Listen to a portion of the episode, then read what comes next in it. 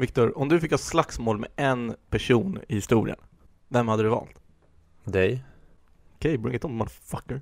Eh, Förutom mig då? Ja, den är ju svår. Samtidigt, man skulle vilja ha någon som man vet att man kan ta. Men egentligen borde man ju ta någon som man bara egentligen tycker jävligt illa om. Hmm. Men är det inte ganska skönt att ha den där känslan att du ska förlora fighten? Det är bara starta fight och förlora.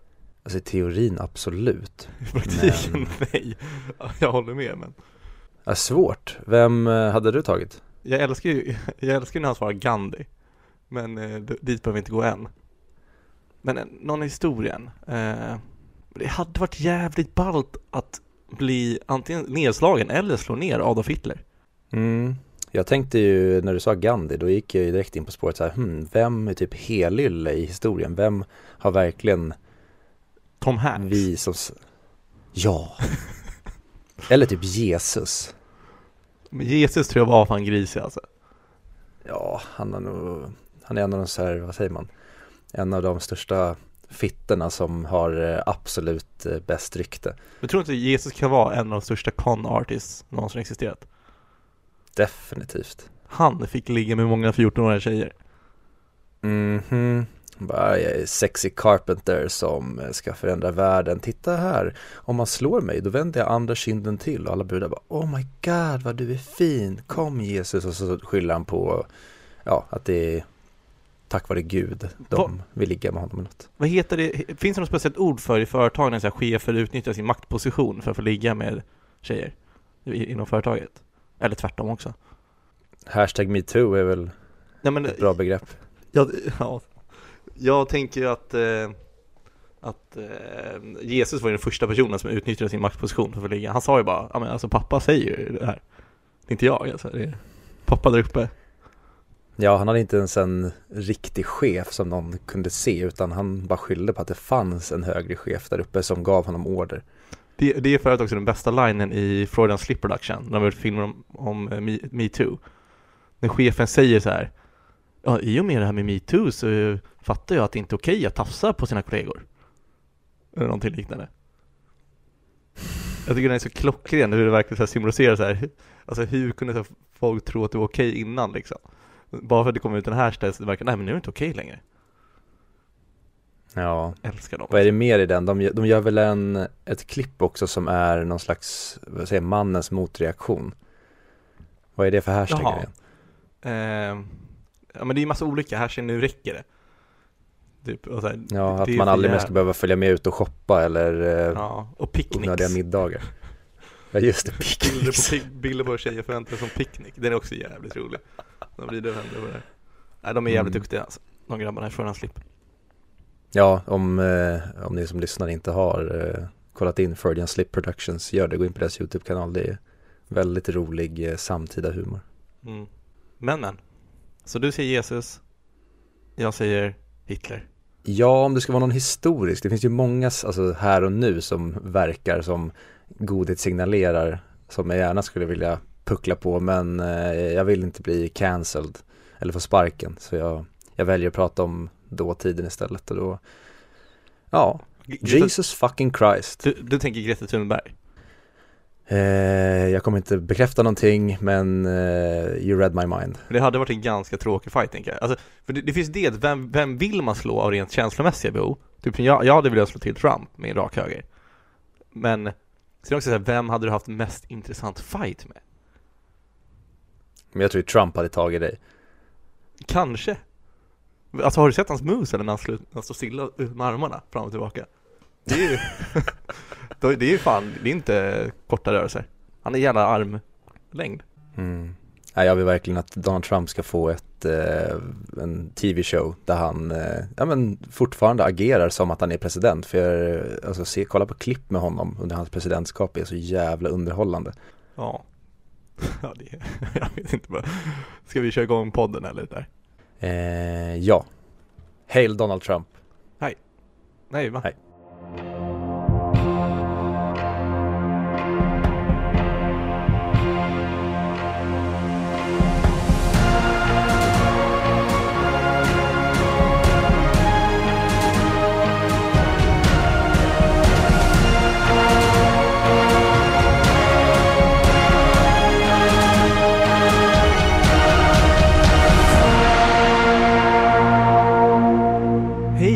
Välkomna till 100 Mic Podcast. Det vill säga podden som pratar upp EMDBs topp 100-lista, men inte Charlie Chaplin. Verkligen inte Charlie Chaplin. Jag heter som vanligt Fredrik och med mig har jag min kära kollega Viktor. vi två tillsammans ska prata om David Finchers film. Inte Masterpiece, det får vi se. David Finchers film från 1999, Fight Club. Men innan vi gör det så vill jag också nämna att vi fortfarande har ett otroligt roligt samarbete med Sveriges största online-magasin för filmer, Moviesin. Har du varit inne där på ett tag, Viktor? Jag var inne där senast i går, tror jag. Ja, jag är typ inne där varje dag och läser. Det är den Mm. enda, vad säger man, kompetenta filmnyhetssidan. Det finns ju ingen annan som jag tycker ens är i närheten tyvärr. I Sverige menar du då? Ja, precis. Mm, absolut. Men eh, i och med det, hur har ditt filmtittarna varit sen vi sist talades vid? Eh, sedan sist så har jag sett eh, Martin Scorseses eh, Taxi Driver. Den eh, skulle jag kunna prata lite om sen när vi ska börja prata om Fight Club för där tycker jag det finns en och annan likhet mellan de filmerna. Mm. Men det var faktiskt första gången, jag hade sett Taxi Driver en gång tidigare så var andra gången jag såg den och kom typ inte ihåg en enda scen. Jag trodde att jag mindes eh, You talking to me eh, att den eh, skulle vara på ett annat sätt än vad jag mindes den så jag kom verkligen inte ihåg någonting ifrån den utom, ja, vad säger man, skelettet för att den pratades ju konstant om när Joker kom om att det var en rip-off på den. Mm. Men jag tycker fortfarande det är helt sjukt att mycket av kritiken som var mot Joker när den kom, det var ju att det var en, vad säger man, en, eh, ja, men att de hade stulit allting från Taxi Driver och King of Comedy. Men de kom ju för 40 år sedan. Och det vore ju sjukt om det kom en film på 80-talet. Och så skulle någon claima att, ja men det är ju, den har ju stulit allt från en film från 40-talet. Ja men vad är det med det då? Det är så pass långt spann emellan. Så att mycket har ju hunnit rinna under bron innan man gör alltså filmen igen. Man skulle till och med kunna göra en remake på Taxi Driver idag. Det skulle fortfarande vara jätte lång tidsspann emellan. Ja, verkligen. Det, alltså, det, det, kän, det känns lite märkligt att hålla på så. Ja, men eh, jag tyckte kritiken mot den var eh, alltså väldigt, väldigt grund när det kom till Joker. Det kändes mer som att det var politisk kritik snarare än kritik mot själva filmen i sig. Mm. Själv då? Har du sett något kul? Två filmer faktiskt. Dels har jag sett Marvels nya Black Widow som jag försökte prata om sist, men blev artigt avbruten. Och även eh, Primal Fear såg jag. Som också är Edward Norton som har, spoiler alert, två personligheter. Va? Har han? Är den här? Jag tror det var Brad Pitt som var att Edward Norton är Brad Pitt så att Brad Pitt är den riktiga och Edward Norton är bara på låtsas. Ja, Det beror på vem som är vem. Jag trodde Brad Pitt och Edward Norton var Marlas alter egon. Det är Mara, inte alltid ego, det är Marlas låtsaskompisar. Hon är i djup depression. Såklart. Alltså filmen handlar egentligen om Bob. Ja, Bob alltså. Älskar att de skriver in en kar- Okej, nu- vi kommer till Fight Club snart. nu får vi lugna oss lite där. Det är en väldigt bra film. Nej men eh, vi har ju också fått ehm, en otroligt kära lyssnare som skrev in. Stämmer det Viktor?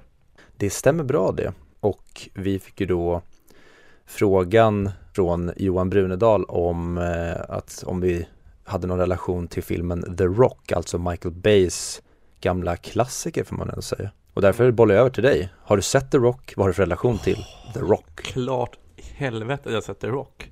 Det är en jävla masterpiece. Det är en film som har fått för lite beröm tycker jag. Av eh, filmälskare. Du får gärna refresha, vad, vad handlar den om? För jag, jag har sett den, men det Mm. enda jag minns från den, det var att jag pissade på mig när jag var liten och hade riktig existentiell ångest av typ inledningsscenen när han snubben blir inlåst i Mm. det här eh, valvet och hans ansikte fräts sönder. Då var det så här, oh my god, sådana här grejer verkar finnas på riktigt. Jag vill aldrig hamna i en sån här situation och sen så kunde jag inte sova på två veckor. Eh, det, men det handlar om, som du säger, det är första scenen man får se att de eh, snor massa kemiska vapen. Ett gäng banditer.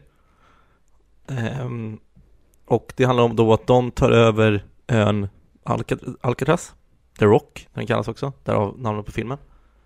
Och sen så ställer de lite krav till amerikanska staten. Jag tror att det handlar lite om att det är många militärer som inte får pengar till sina, till sina familjer när de dör, så deras familjer tas inte om hand om och de är trötta på att eh, USA skiter i sina militärsoldater, mer eller mindre. Så då tar de över den hoten genom att släppa ut de här kemiska vapnen över olika städer, eller jag tror det är specifikt i en stad. Och det som händer då är att då ska Nicolas Cage, som är giftexpert, infiltrera The Rock tillsammans med Sean Connery som är någon ex-CIA eh, eller M16-agent-aktigt SAS kanske till och med. Och det är väl det filmen handlar om, att de ska ta sig in. Mm. Musiken den är ju episk. Hans Zimmer. Det är någonting som jag har, även fast jag inte har någon egentlig relation till filmen mer än att den skrämde skiten ur mig som barn så just eh, huvudtemat i den är ju jävligt bra. Jag tror att det är Jablonski tror jag som även har komponerat musiken till eh, Transformers för den påminner väldigt mycket om det huvudspåret. Men jag tror det är Hans Zimmer. Är det? Ja, jag är nästan, nästan säker på det. Ja, då ljög jag. Jag eh, gick bara på magkänsla och min magkänsla var fel. Som vanligt. Men han var involverad vet jag. Men jag vet inte hur mycket, alltså om det var han som gjorde den helt själv eller om det var tillsammans med någon. Men jag vet att Hans Zimmer ska vara med i Rock och jag blev själv lika chockad. Hmm. Men eh, ja, den, och det finns spe- speciellt en scen som inte jag tycker är magisk och det är, alltså The Rock är ju väldigt amerikansk eh, pa- patriotisk film. Som, och det, den, den gör ju det så jävla bra, alltså den första scenen, alltså när det kommer så texter och så vidare tror jag det är. Eh, och då, då får man bara höra du vet så här radioprat från militären samtidigt går Alltså eh, amerikanska soldater med sina så fina kostymer och ska begrava någon så är det typ så eld över skärmen och det är så amerikanska flaggan och det är jättebra musik. Och man hör och man hör radion från typ när de blev attackerade i vilket land de nu var i. Alltså den, den är bara så jävla mäktig, det är gåshud genom hela filmen. Classic gammal eh, amerikansk blockbuster låter det som. Exakt. Ehm, Sen, sen såklart den har sina brister. Jag vet inte om jag tycker att den förtjänar topp 100 men den är otroligt sevärd tycker jag fortfarande. Om man nu gillar sånt här bara over the top. Men det, det, det finns en scen framför allt som är min favorit. Det är de som tar sig in där, några Navy Seals. Och sen så kryper de upp sig i ett duschrum i Alcatraz-fängelset. Och då står alla militärer där redo, de som har tagit över fängelset och sen så typ vägrar de lägga ner vapnet för de säger "Men, vi, vi båda svor en ed att försvara landet och sen så kommer den där mus- musiken jättedramatisk med som skjuter ihjäl varandra och åh, man, man, man blir ledsen på riktigt Det finns en annan typ film som du skulle jämföra den med som påminner om den eller gör någonting liknande. Jag vet inte. Alltså jag, jag skulle kunna tänka mig, jag har inte sett den dock, The Thin Red Line skulle kunna vara någon liknande. Har du sett den? Nej, jag är tyvärr inte ett jättefan av Terrence Malick men eh, eh, ja, den ska ju tydligen vara väldigt, väldigt bra. Ja, jag har haft den på min bucket list väldigt länge men har kommit Men annars vet jag inte, inte vad jag kom på rakt på hand. Har du någon så du kan tänka dig? Nej, ingen alls faktiskt, men det, det är som jag förstår det, alltså det är inte min typ av film. Jag är inte mycket för framförallt inte krigsfilmer och action är inte min genre utan då får actionen gärna vara en transport i filmen. Jag tycker väldigt snabbt att det blir väldigt tråkigt med för mycket pang-pang. Till exempel som jag nämnde om nu när jag hade varit och sett The Suicide Squad, att den föll väldigt mycket på att det var väldigt mycket pang-pang för pang-pangandets skull och det jag tappar så jävla snabbt då. Mm, men, jag, men ibland kan jag hålla med dig faktiskt, jag börjar växa ifrån det också. Uh, förresten, musiken är från Nick, Nick Lenny Smith och Hans Zimmer på The Rock. Hmm. Eh, men ja, jag håller med dig. Att, men det är därför, jag gillar typ inte Rambo och de där filmerna.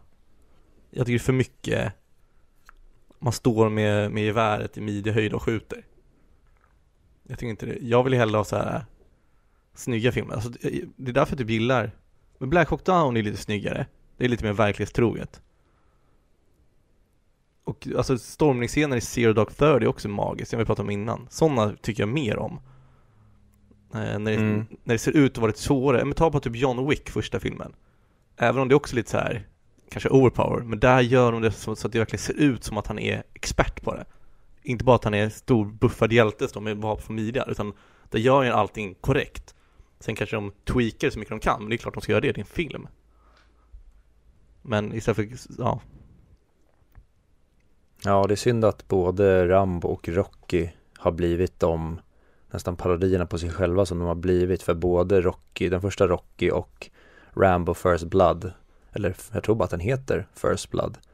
First Blood är ju en ruggigt bra eh, film och inte alls det som man förknippar Rambo med idag, nämligen som du säger stå med machine gun mot höften och bara peppra utan det är ju en riktigt tight vad säger man, jaktfilm eh, ja men med en korrupt poliskår kanske är fel att säga, men det är en poliskår som jagar en eh, krigsveteran som är skadad och har PTSD från eh, sin tid i Vietnam. ja. det låter lite mer intressant i och för sig. Mm, Mm, så den första kan jag verkligen rekommendera även om man inte är en eh, ett, actionfilmsfan för den är väldigt bra tycker jag. Men alltså nu kommer säkert våra lyssnare stänga av och vara arga. Men jag är inget fan av Rocky alltså. Även första. Första kan vara okej, men jag har nog aldrig tyckt att de har varit jätteunderhållande att kolla på. Hmm. Ja, Jag, tycker, jag tycker jättemycket om den första. Sen tvåan är också bra, trean har sin charm och sen ja, fyran har ju vissa episka montage och alltså intressanta element. Men just den första skiljer sig mycket från resten av filmerna för det tycker jag verkligen är ett jättefint porträtt om en småstadskille. Alltså det, det är mer ett drama än boxningsrullar som det blir sen. Det är mer den här, alltså den klassiska underdog-filmen om en, eh, en nobody från gatan i princip som får chansen att möta den stora stjärnan. Mm. Okej. Då förstår jag. Ja men eh, jag får ge en ny chans någon dag. Kanske inte. Eller så skiter jag bara. Kolla på Fight Club och andra bra. Never Back Down är också en underskattad film, gällande om man gillar fight. Äh men lägg av! Det är så jävla bra. Det är fan de sämsta filmerna jag sett. Nej, den är ju bättre än Rocky. Nej, Den kanske är bättre än Rocky 5 men eh, den är inte bättre än Rocky, the original. Men du, du kan ju inte hata Never Back Down. Men det är ju, alltså vad säger man? Det är det, det lökigaste, klyschigaste, mest, Ja. vad säger man? Det, det är bara till för att typ tonårsbrudar när vi växte upp skulle få snigelspår i brallorna. Och att grabbarna skulle få se ett cool fighting. Ja, det, och det kan vi komma in på sen med Fight Club, vad alltså sådana typer av filmer satte för spår i kulturen, till exempel som Green Street Hooligans, när Ja. efter den kom ut att alla skulle gå runt i beigea trenchcoats med rakade huvuden och bara Base and honey for money, stop saying fucking soccer! Ja, alltså... Oh, ja. Alltså jag undrar hur mycket MMA och alltså den kampsport, eller alltså, mängden människor som håller på med kampsport gick upp efter Never Back Down. 300% tror jag. Ja, men jag, jag tror definitivt antalet gick upp i alltså vilsna unga män som inte gjorde grovjobbet, alltså lärde sig riktig alltså konsten kampsport, utan de ville bara vara de här snubbarna på ytan. De vill inte lära sig att slåss, de vill bara kunna slåss. Ja, Men precis, de vill inte få det som kom med paketet att ha kontroll över din kropp och ditt sinne och kunna vara farlig utan att utöva och missbruka alltså konsten att kunna ja, slåss låter så jävla banalt men att slåss. Att de ville lära sig slåss för att kunna gå ut och använda den här kraften på typ gatorna eller fotbollsmatcher eller whatever istället för att aldrig använda eh, sin makt och bara när om, ja men som en superhjälte, kunna använda det om nöden kallar. Mm. De hade fått det helt om bakfoten kändes det som. Absolut. Men eh, på tal om slåss, ska vi prata om Fight Club? Eh, ja men jag tror att det är därför vi är här. Så eh, från att prata om vilsna unga män som eh, vill göra samhället väldigt illa så ska vi nu prata om eh, lite äldre unga män som slutar att konsumera och börjar terrorisera. Så nu ska vi prata om Slagsmålsklubben. Hej.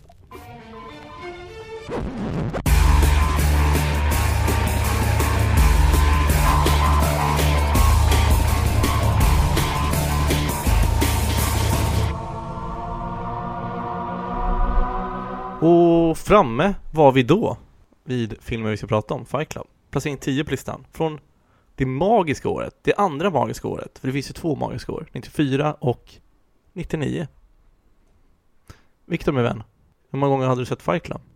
Eh, jag vet inte, jag vet att jag såg den väldigt sent. Jag såg den inte när den kom och det, här, det var en film som jag vet att jag såg första gången i tonåren.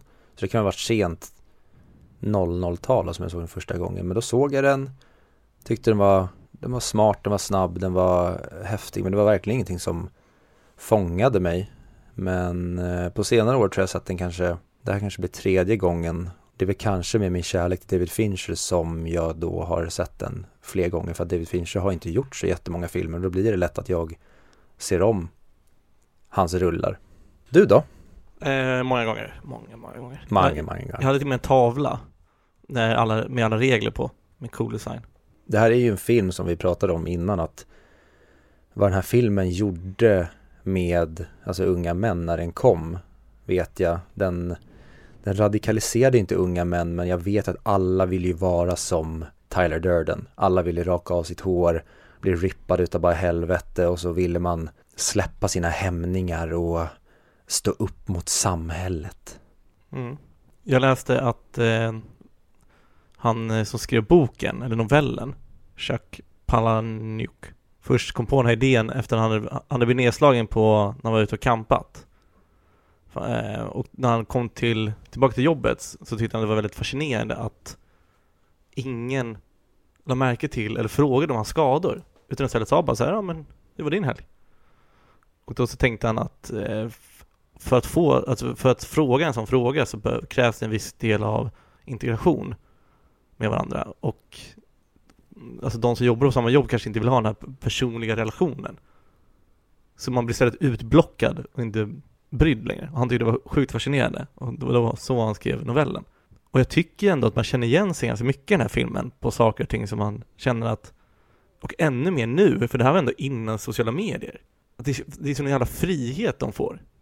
Ja, nej jag, jag, jag håller med och jag blev förvånad nu när jag såg om den hur aktuell den är idag fortfarande. Om Mm. man ska ta som ett paraply på hela filmens andemening så är det ju med kritik mot det, vad heter det, konsumentsamhället och kapitalismen och vad som händer när vi blir bara walking zombies utan känslor som Tyler Durden pratar om. Men eh, även vad, vad händer vad händer när du inte själv är kapabel att bryta dig ur den här formen? Vad kan ditt psyke göra då? Eller vad är du kapabel till om, om du låter ditt psyke ta hand om vissa saker? Vad kan du, vad kan du skapa slash hur mycket skada kan du orsaka? Och det var jävligt coolt om man kunde skapa ett alter ego sådär. Som fixar allting åt en. Blev ens bästa kompis som hjälpte en ur det. Ja, och det hade varit en helt annan film om Edward Nortons karaktär hade varit medveten om att det är han själv som gör det här. För det är det han inte klarar av att göra. I övrigt så är det ju, man skulle kunna claima att det här är en person som tar tag i sitt eget liv och skapar sitt eget värde. Och sen, ja, sen kan man ha åsikter om vilken riktning han gör det, men han, han, han sätter ett otroligt avtryck på världen. Bara att han själv inte är Mm. kapabel att eh, vara medveten om att det är han själv som gör utan han tror att det är en polare som han hakar på, en förebild, en fadersfigur. Ja, men alltså det är så mycket Alltså jag kan kliva in redan nu och säga att det här är en perfekt film. Hmm. Alltså jag har ingen kritik till den. Jag har snarare tvärtom, bara massa extra beröm. Kanske till och med en 11 av 10. Oj, Eh, det får vi se i slutet. För du kanske övertalar mig åt andra hållet. Men alltså bara saker att, att omtidsvärdet är ju enormt. Alltså varje gång man tittar på den nu, så, om man vet twisten, så blir det så mycket coolare när man kollar på det. För det funkar på båda gångerna. Det funkar ju dels när man ser den utan att kunna, kunna eh, och, och när man inte kan twisten, och nu när man kan twisten så passar det också in. Du, du kanske inte håller med? Jo, jag, jag håller med. Eh, och jag vet, för jag, jag såg den här i vintras, så att den är fortfarande ganska färsk. Vänta, nu har jag en fet geting här inne. Ah, vänta. Sorry Viktor. Okej, nu eh, har Fredrik en batalj här med eh, vad jag tror är en geting. Han har lämnat micken, backat, han står med en hoprullad tidning och ser väldigt orolig ut. Jag trodde nästan att det var, hade klippt in en naken man genom fönstret. Att det alltid ska hända massa saker när jag spelar. Ja, kör. Vad var det för något? En fet jävla geting. Som bara åkte här. Mm. Det- åh, jag gillar inte dem. Jag är inte rädd. Men jag gillar dem inte. Jag blev stucken av en geting häromdagen på foten och eh, det, det var inte så, alltså det var ett vanligt stick Mm. men det har kliat utav bara helvete sedan dess. Så det stör mig mer än själva sticket att det bara är som ett lite mer irriterande myggbett som vägrar att lägga sig. Men det är ont och sen så svider det lite och sen går det över ganska snabbt. Alltså men det är ju typ, alltså det känns som att du träffar en paintball typ. Jag har aldrig blivit träffad, jag har aldrig kört paintball. Det är också sjukt. Så jag, Du hade varit ett galen. jag tror, ja det var det, jag hade jag satt och bara så här, ja jag vet att skulle jag ge mig in i det här då skulle det sluta med att jag till slut gick över till riktiga vapen och körde paintball in i stan och bara pepprade ihjäl folk. Ja, förlåt. Vart var det någonstans innan? Jo, ehm, vi, du, du hyllade den och jag skulle säga om det var någon kritik jag hade och just det jag sa det att jag såg den senast i vintras så den är fortfarande ganska färsk. För det som jag kände den här gången men som jag inte kände i vintras det var att jag tycker att den kanske är lite övertydlig ibland så att man ser twisten för tidigt. För jag såg det med min flickvän, hon hade inte sett den tidigare. Och hon sa tyvärr, alltså långt innan man får reda på att Edward Norton och Brad Pitt är samma person att eh, han, hon bara, Brad Pitt kommer bara vara i hans huvud. Och då kunde jag inte hålla mig, jag bara tittade på henne och, och log och kände att fan, det var det här jag inte ville skulle vara. Jag ville att hon skulle bli Oh my god när det väl var dags. Men det kanske inte heller är en del av det som filmen vill göra. Den kanske vill att den ska, att vi ska förstå det tidigare. Sa inte hon typ samma sak the Usual Suspect? För, jag- för vi, har haft det samtalet innan att hon kunde en twist direkt och jag börjar nästan misstänka att Becka har fuskat. För sådär mycket twistar kan man inte pricka. Jag tror att det var med Usual Suspects att hon misstänkte det men sen bytte hon misstanke så att hon var rätt ute men sen gick hon över till fel misstanke. Men ja, hon jag till 100% så hon, hon är verkligen ingen googlare eller hon är ingen alltså, populärkulturell nörd så hon har inte koll på de här grejerna eller kollar upp dem för att verka smart. Men eh, jag märkte att hon är en, vad säger man, hon är en cyniker när det kommer till att titta på film. Ja, men för det jag tänker är att det som gör så genialt i den här är att när väl de börjar splitta så kommer man glida, glida längre och längre ifrån varandra. Det är då man börjar säga, men det här är inte alls samma person i så fall. Där blir man ju mer övertygad på att det in- inte stämmer och många andra saker som händer. Mm. Skulle jag säga, alltså jag, men det här är ju smak och tycke, så jag kanske är bias. Jag tycker inte det är tydligt alls. Men om hon hade rätt, det kanske är fler som tycker Ja, och jag tror att det, det hon sa hon verkligen var övertygad, det var scenen när Marla är hos dem och eh, han står nere i eh, källartrappan och Edward Nortons karaktär bokstavligt talat upprepar det han säger. Då kände hon så här, nej men nu, nu är jag helt säker på att de är samma person när det blir så här. Men jag, jag, jag, jag vet inte, men samtidigt så är det, det är inte det som är eh, essensen eller det, och framförallt det är inte det som är min kritik till filmen. Min kritik till filmen var att jag tyckte inte att den var lika fängslande den här gången och det kan vara för att jag såg den hyfsat nyligen men jag känner även att den, jag tyckte den var för lång den här gången. Jag tycker att den kan ha tajtats, tajtats till. Den, de kunde kortat ner vissa delar. Ibland kändes det som att David Fincher bara var förälskad i sin egen berättarteknik. Även fast jag älskar David Fincher, en av mina favoritregissörer, så tyckte jag den här gången att för, för jag var inte orolig för men jag tänkte att den här gången skulle eventuellt Fight Club kunna, kanske kunna vara min favoritfilm eller tycka att det var den bästa Fincher-filmen men jag tycker verkligen inte det och det är framförallt inte min favorit efter den här titeln även fast jag tycker att det är en jätte, jättebra film och jag gillar verkligen ja, men som jag sa, all, alltså andemeningen och kritiken mot samhället att den fortfarande är så himla aktuell idag. Jag tycker att tempot är amazing även fast jag tycker att den borde kortas ner. Jag tycker att eh, jag, jag är mindblown över att Brad Pitt inte fick en Oscarsnominering. Jag tycker Edward Norton också är helt jävla otrolig men jag tycker Brad Pitt verkligen gör en Oscars i alla fall nominerande roll. Han är både svinrolig, obehaglig, cool, smart. Ja, han är mm, en skithäftig, eh, vad ska man säga, antagonist. Ja, verkligen. Sen det var, det var ju svårt år. Eh, år. Det var då Kenny Spacey vann ju. För han måste varit en eh, biroll, alltså supporting actor. Aha, ja, ja, exakt. Och där vann Michael Caine. För? Uh, Decider House Rules. Ja, Lasse Hallström. Uh, men ja, jag kan hålla med. Jag tycker att, jag såg att den var nominerad för en Oscar. Ja, det var bara typ uh, editing här för mig. Ja. Ja, nej men den, den, här var ju också, den var ju väldigt, den blev inte så himla väl mottagen när den kom. Den blev väldigt eh, kritiserad framförallt kritiker. Men de fick på fingrarna ju mer åren gick för jag tycker det är en film som verkligen har, ja men den, till ytan ser det ju ut som en, en grabbig eh, så här, grabbarnas, den grabbigaste grabbfilmen som finns. Men sen när du börjar skrapa på ytan och, och försöker se vad David Fincher faktiskt försöker säga med den här filmen så blir det någonting helt annat och det tycker jag är så jäkla bra med många David Finchers filmer att han han har så jäkla många lager av eh, idéer och saker han försöker berätta i sina filmer. Ja, det är kul. Jag kollade lite på metascore den här filmen har fått. Mm. Och det metascoret är, är på 66. Och bland de som har, det är två som har, en som heter 25 och en 30. 25 är Lisa Schwarzboom på Entertainment som skriver If, as Fincher has said, this movie is supposed to be funny, then jokes on us. Alltså självklart får man tycka vad man tycker, men när man går in och sågar en så där mycket, alltså man ger den här 2,5 då som man har gett i IMDB-skala. Och sen är den tionde bästa filmen enligt alla andra. Då, då bör man ändå rannsaka sig själv lite att jag kanske inte kan vara så hård mot en film. För så mycket kan man ju, om, om man har så annorlunda smak i filmer, då kanske inte ens åsikt är lika värd att uttryckas. Filmjournalister i sig, det är ett sånt jävla bajsnödigt skrå.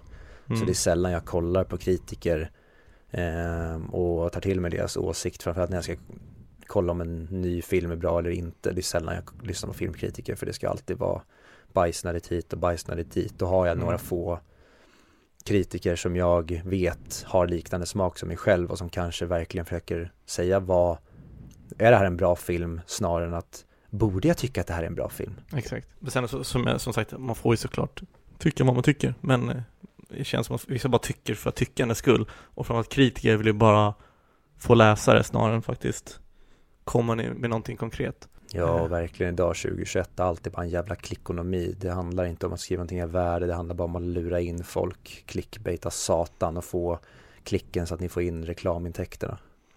Det är det hela den här filmen handlar om. Felet på samhället och vara robotar.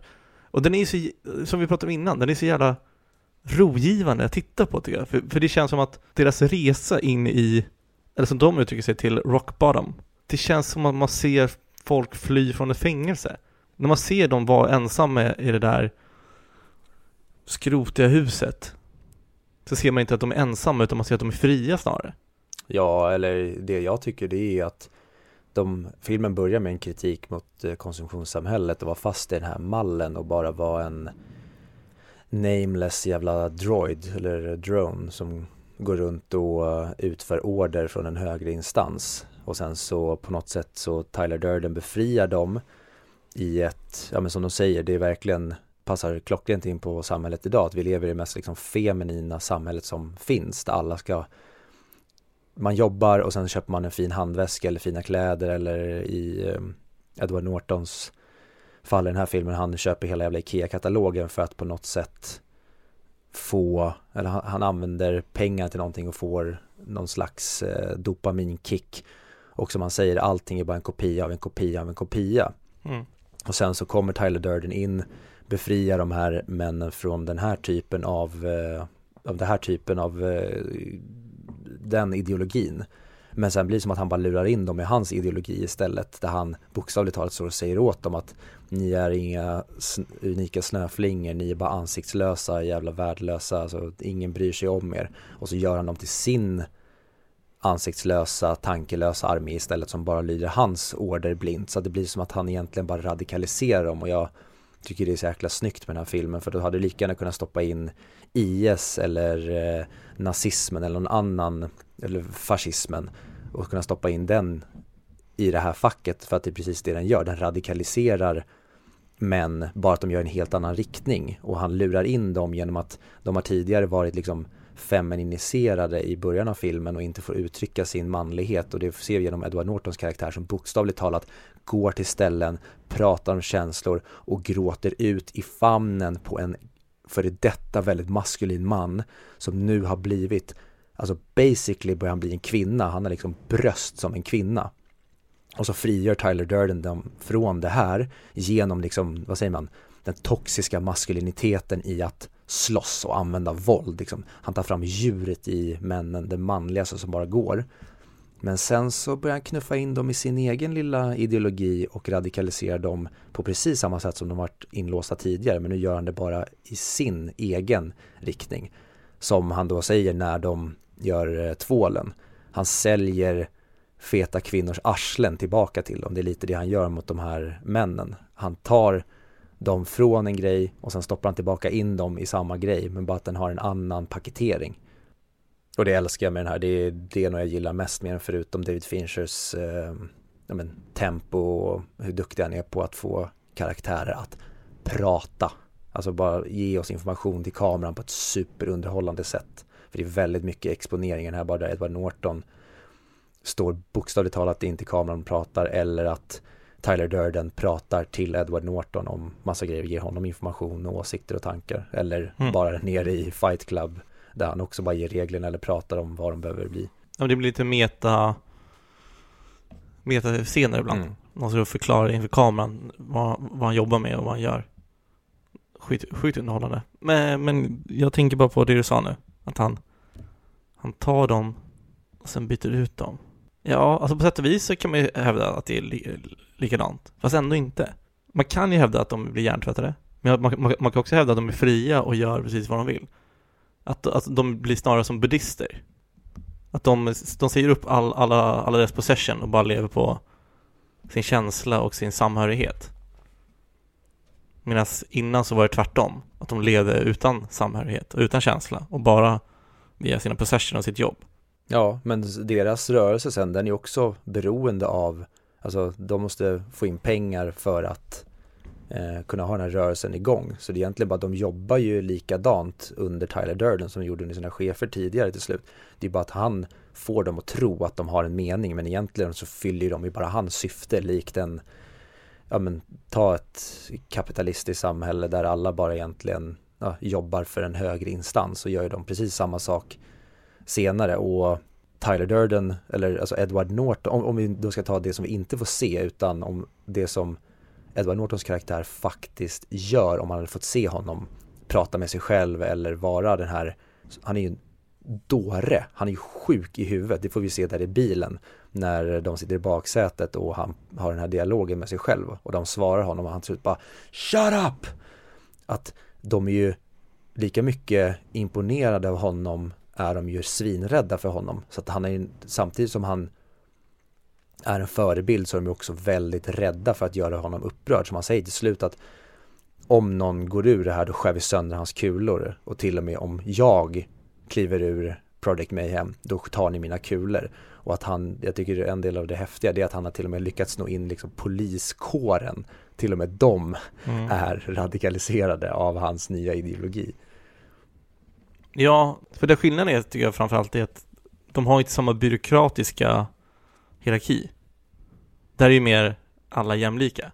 Eller så kanske den går på senioritet. Ja, alla under diktatorn Tyler Durden. Ja, men samtidigt säger de till honom hela tiden. We got this under control sir. Så det är inte att de så här, böjer sig tillbaka och ska göra allting han säger. Det är väl mer att folk är imponerade av honom och vill lyssna på honom. Han är väl mer en messiah än en ledare. Eller okej, ledare kanske det är, men han är ingen diktator tycker jag. Alltså han har ju bara sagt att, alltså istället för att det här är mig ni lyder, så lyder ni under Project Mayhem eller under Fight Club.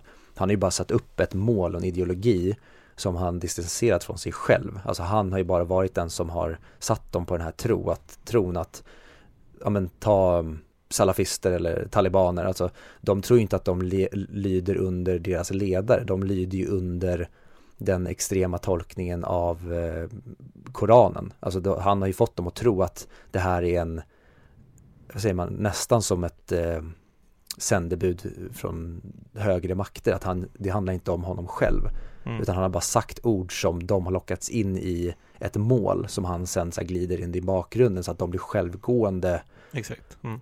eh, slavar under det här. Det är lite, ja, men alltså det det är som du sa innan, det hade lika gärna kunnat varit Isis. Och sen tycker jag utöver det, sen blir det så jäkla häftigt sen då när han vaknar upp och försöker stoppa det här för han, han vill ju egentligen bara känna någonting. Mm. Eh, Edward Nortons karaktär, det är så, så fel att säga Tyler Durden för det, jag tänker på Brad Pitt när jag säger Tyler Durden. Mm. Men Edward Nortons karaktär, han vill ju bara från början vill han ju bara känna någonting. Han är liksom ett känslolöst, som han säger, enportionssamhälle. Eh, single portion, han säger det, Tyler you're the most interesting single, eh, vad han säger, single portion friend I've ever met eller något sånt där. Mm. Eh, och han vill ju bara liksom hitta närhet, samhörighet och det är det Tyler Durden ger dem. Men sen i slutändan när han då förstår att det är han som har alltså, skapat det här och att han inte kan stoppa det för att han har startat någonting som är större än honom själv. Då börjar han ju faktiskt bry sig när han då, alltså när Bob dör, då känner han sig skyldig för att det är han som har dragit in Bob i det här och det Bob är någon som han kände och eh, interagerade med innan han startade det här projektet och Tyler dök upp i hans liv. Och sen så känner han hämnd när han då slår sönder Jared Letos ansikte. Där känner han ju också någonting, istället för att det bara är Fight Club-fighten så känner han avundsjuka mot att han känner, när han ser Tyler ge honom beröm. Mm. Att där kommer också känslor in och sen så då att han börjar faktiskt bry sig om Marla på riktigt. För att han börjar ju också skapa Tyler i sitt eget huvud för att han själv inte tror att han skulle vara attraktiv i Marlas ögon. Så då skapar han den här supersjälvsäkra alfahanen som Marla då faktiskt skulle vilja ligga med. Och jag gillar alla de grejerna som blir som en trajectory och sen kommer tillbaka och biter honom i arslet i slutändan. Och sen i slutändan så blir det ju att han lyckas besegra Tyler och ta kontrollen över sig själv helt enkelt och står där och håller handen med Marley i slutet för det var om man ska vara väldigt, vad säger man, ytlig så är det ju det Marla är nästan det, det handlar om från början. Att han vill bli, ja men han vill på något sätt att hon ska tycka att han är intressant och vill vara med honom. Men av fel skäl. Spot on. Men om jag ska bara komma tillbaka till kritik. Ja.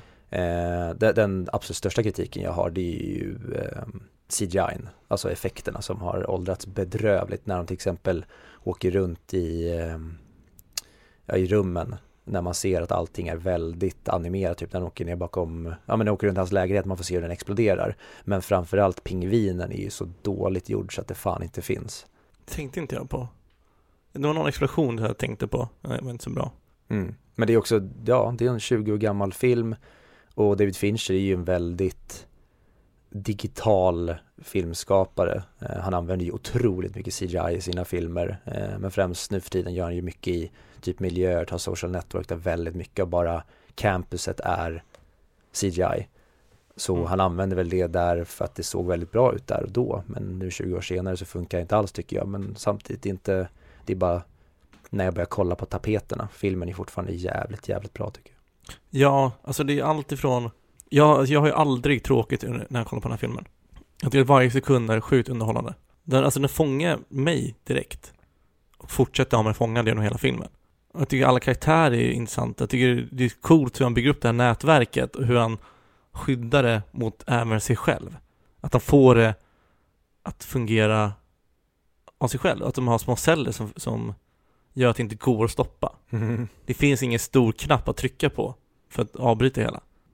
Nej, det är skithäftigt och jag gillar att egentligen, han, han ger oss all information under filmens gång när Tyler och han pratar med varandra. Till exempel han pratar om att hans pappa lämnade honom när han var sex år.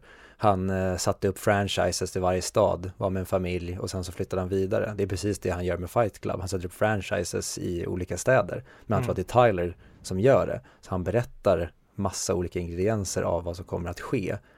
Men han är, det är som att de bara snackar med varandra men egentligen så sitter han ju bara egentligen och spånar fram sina planer med sig själv. Och det, det är alltså jäkla glad att den här filmen inte gör mer än vad den gör, att vi inte får se mer av som i Joker där vi får se varje jävla scen. Att "Åh, han satt själv där, att de gör det väldigt snyggt istället, att det blir bara små, små klipp istället för att det blir en jättesupertydlig reveal, att vi inte får se till exempel huset där att ja, Brad Pitt cyklade inte runt där medan han satt på massa gamla tidningar och läste saker med en ficklampa. Utan Mm. det är vi själva som får se om den och förstå själva att shit, här sitter han själv och är helt jävla superpsykosad. För det tycker jag också är en så jäkla bra grej med den här, det är när han springer runt i slutändan i kallingar och en trenchcoat. Ja, det är precis så en människa gör som är helt jävla vrickad i huvudet och inte lever på planeten jorden längre. För att han är så jävla djupt ner i den här psykosen att den har tagit total kontroll över honom att till och med när han förstår att Tyler Durden är en låtsasperson i hans eget huvud så är han fortfarande helt spritt språngande galen och springer ut med en pistol på stan. Ja. För filmen hade inte behövt ha med de här, du vet, Jacks uncontrollable sweat. Och allt, allt det där. Mm. Men jag tycker det är så jävla fascinerande ändå. Alltså det, det ger någonting extra till filmen. För den har egentligen ingen funktion. Förutom, jag vet inte vad. Ja men den förklarar ju hans, eh, vad säger man, reaktioner Ja. där och då.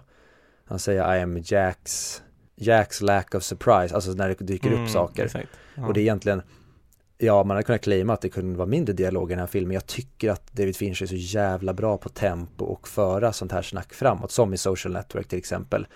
Ibland kan man tycka att det är mycket babblande för babblandets skull, men han gör det med nästan ibland för högt tempo så att det känns som att man inte hänger med. Det är väldigt mycket snack till exempel som när de presenterar jag menar Tyler Durden är eh, bioprojektionist och klipper in de här bilderna Mm att när han pratar där, det, det går så himla fort och ibland känns det som att det bara är helt onödig information men allting fyller en funktion genom filmen men det hade säkert kunnat berättas på annat sätt också men jag älskar Finchers berättarstil. Ja men han får det underhållande. Bara saken är när, du vet när kameror börjar skaka så här. Mm. För sen får man ju se att det är Evan Norton som står där. Den har, alltså det har egentligen ingen funktion förutom att vara snygg eller? Eller vad, vad gör den, just den lilla scenen? Ja, det är ett sätt för honom att berätta vad det är som har skett när den sen kommer tillbaka som du säger som Edward Norton så att vi Ja. får se den grejen ske en gång till men då från ett annat perspektiv helt enkelt som till exempel när de tittar rakt in i kameran på toaletten när de hotar han eh, borgmästaren eller polismästaren eller vad det är. Mm. att första gången då är det Tyler Durden som gör Brad Pitt och sen nästa gång vi får se om den då är det Edward Norton istället som vi får se. Så Mm. att den är egentligen bara för att förklara tillståndet men den gör det under så himla kort sekund eller så kort tid att det bara springer förbi och så måste vi fokusera på någonting annat och så måste vi fokusera på någonting annat. Mm. För det, hade den här filmen haft mycket lägre tempo så hade det varit mycket sämre när vi har haft tid att fundera på allting hela tiden. För det som är bäst är att man vet inte riktigt heller. När pratar han med sig själv och när är han tyst? I bilen när han svarar så pratar han, men säger han allting han säger? Det är det jag inte riktigt greppar eh, och det är väl kanske det därför vi ska fundera på det. Att ibland kanske dialogen sker helt inne i hans huvud, ibland kanske han faktiskt står rakt ut och samtalar med sig själv. Och det är en del av varför de har sån otrolig respekt och rädsla för honom för det känns nästan som att han får, ja men att det är Gud som pratar genom honom. Mm. Att det blir som att oj jävlar det är Jesus Christ här som får eh, Guds ord och vi får vara med om när Gud pratar med sig själv och får höra de här otroliga sakerna som han säger. För det är, om vi tar honom nere typ i källaren när han står och eh, säger alla de här grejerna om att ni jobbar på jobb som ni hatar för att eh, köpa saker för att imponera på människor ni inte tycker om. Att om det står en snubbe där och pratar med sig själv och säger de här grejerna och du står utanför, då måste det kännas som att antingen är den här snubben helt sjuk i huvudet eller så är han sänd från Gud. Mm. För att han säger, han säger ju saker som alla är 100% med på där, men han gör det på ett sätt som är väldigt obehagligt egentligen. Mm. Nej, jag vet inte. Men det det är det som är charmen också, att man inte vet. Jag tycker filmen bygger fram det så bra, att det är liksom alltså, lägre medelklassen, det är kyparen, det är de som jobbar på mekanikerställena som börjar med det här, som känner att mitt liv är statiskt, jag kanske behöver någonting mer. Som inte gillar konsumentsamhället som de lever i.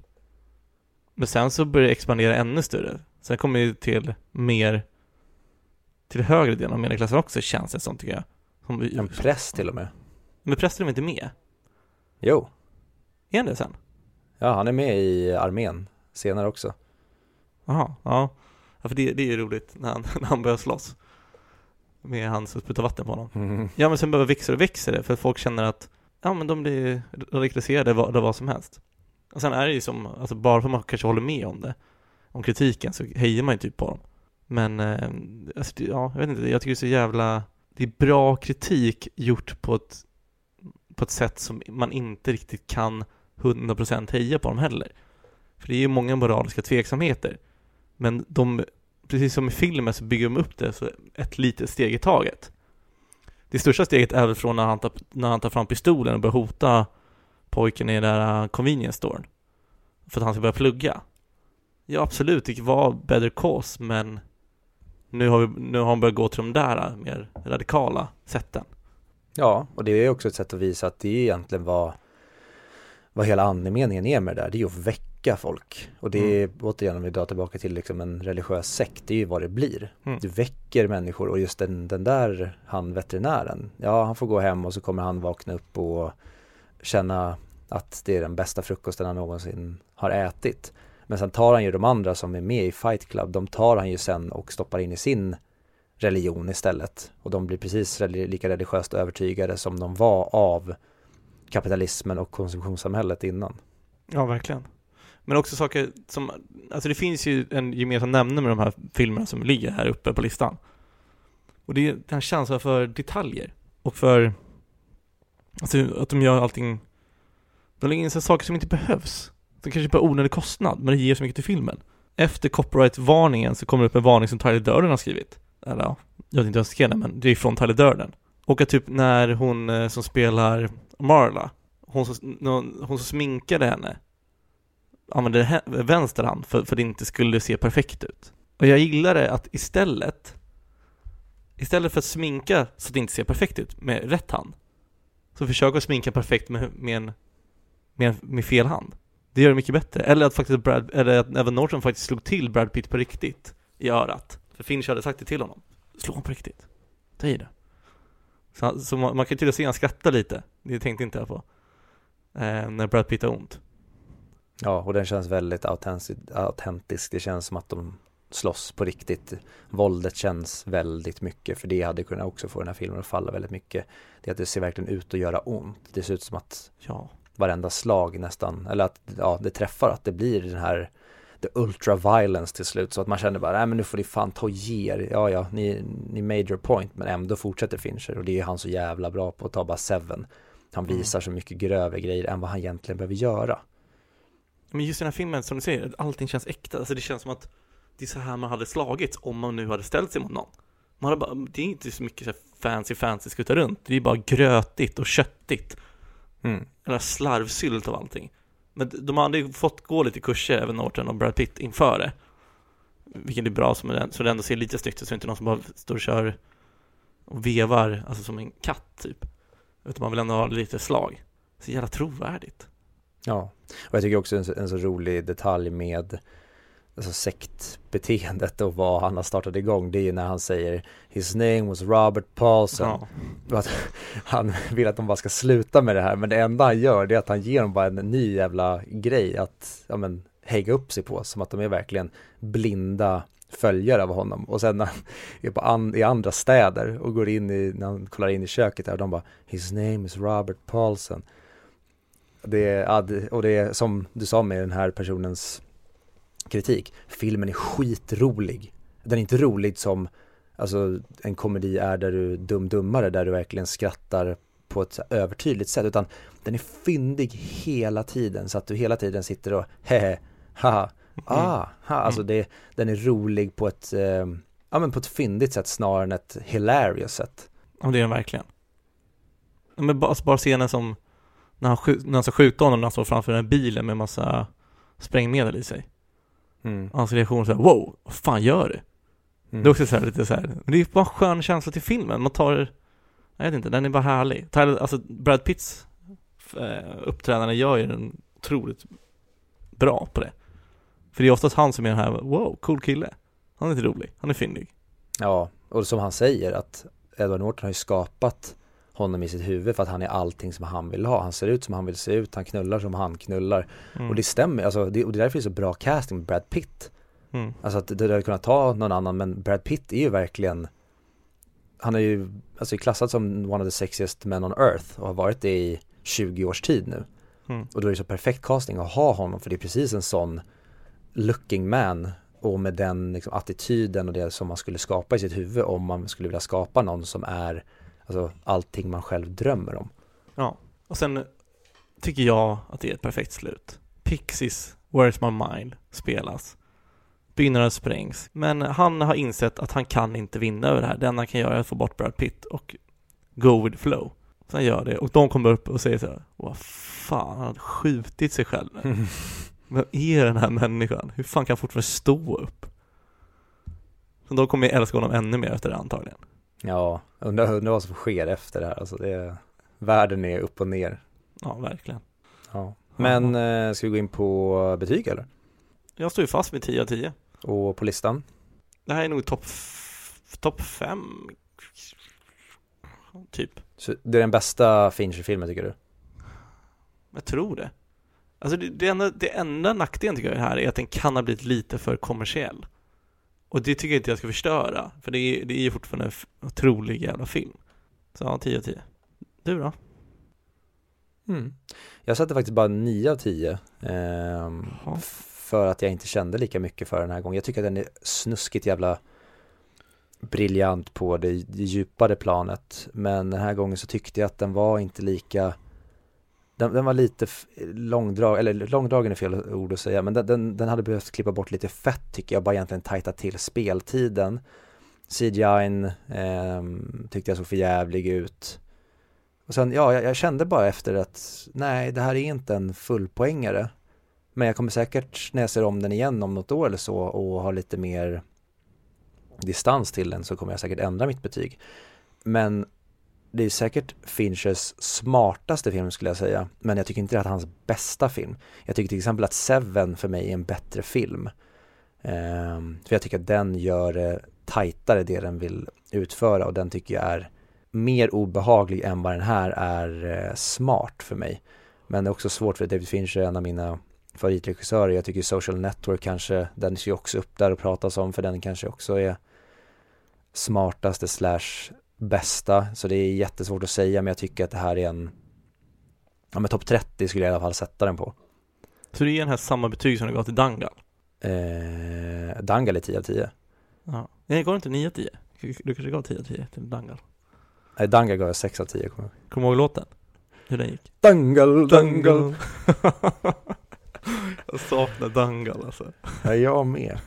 Det kändes som att det var så långt kvar då, att man inte ville slösa tid på indiska skitfilmer, men det är som, eh, jag kommer inte ihåg vem som sjunger You don't know what you got till you're missing it a lot. Vem sjunger det? Jo, det är han, Erik Hassle heter han ju. Jag kommer ihåg det Andy in the Office säger, som jag tycker är så jävla fint. Mm, ja, men typ, när han började jobba så då kunde han bara minnas tillbaka på tiden på Cornell och hur mycket han saknar alla där. Och nu, och nu ska han, och nu när han ska sluta på Dunder Mifflin så kommer han bara minnas och längta tillbaka på tiden på Dunder Mifflin eh, och, eh, och hur det var där. Och varför kan man inte bara veta att man är i, i den atmosfären, det ögonblicket när man väl är i den. Varför ska man alltid behöva minnas tillbaka och tänka det där var fan tider. Japp, Dangal. Dangal.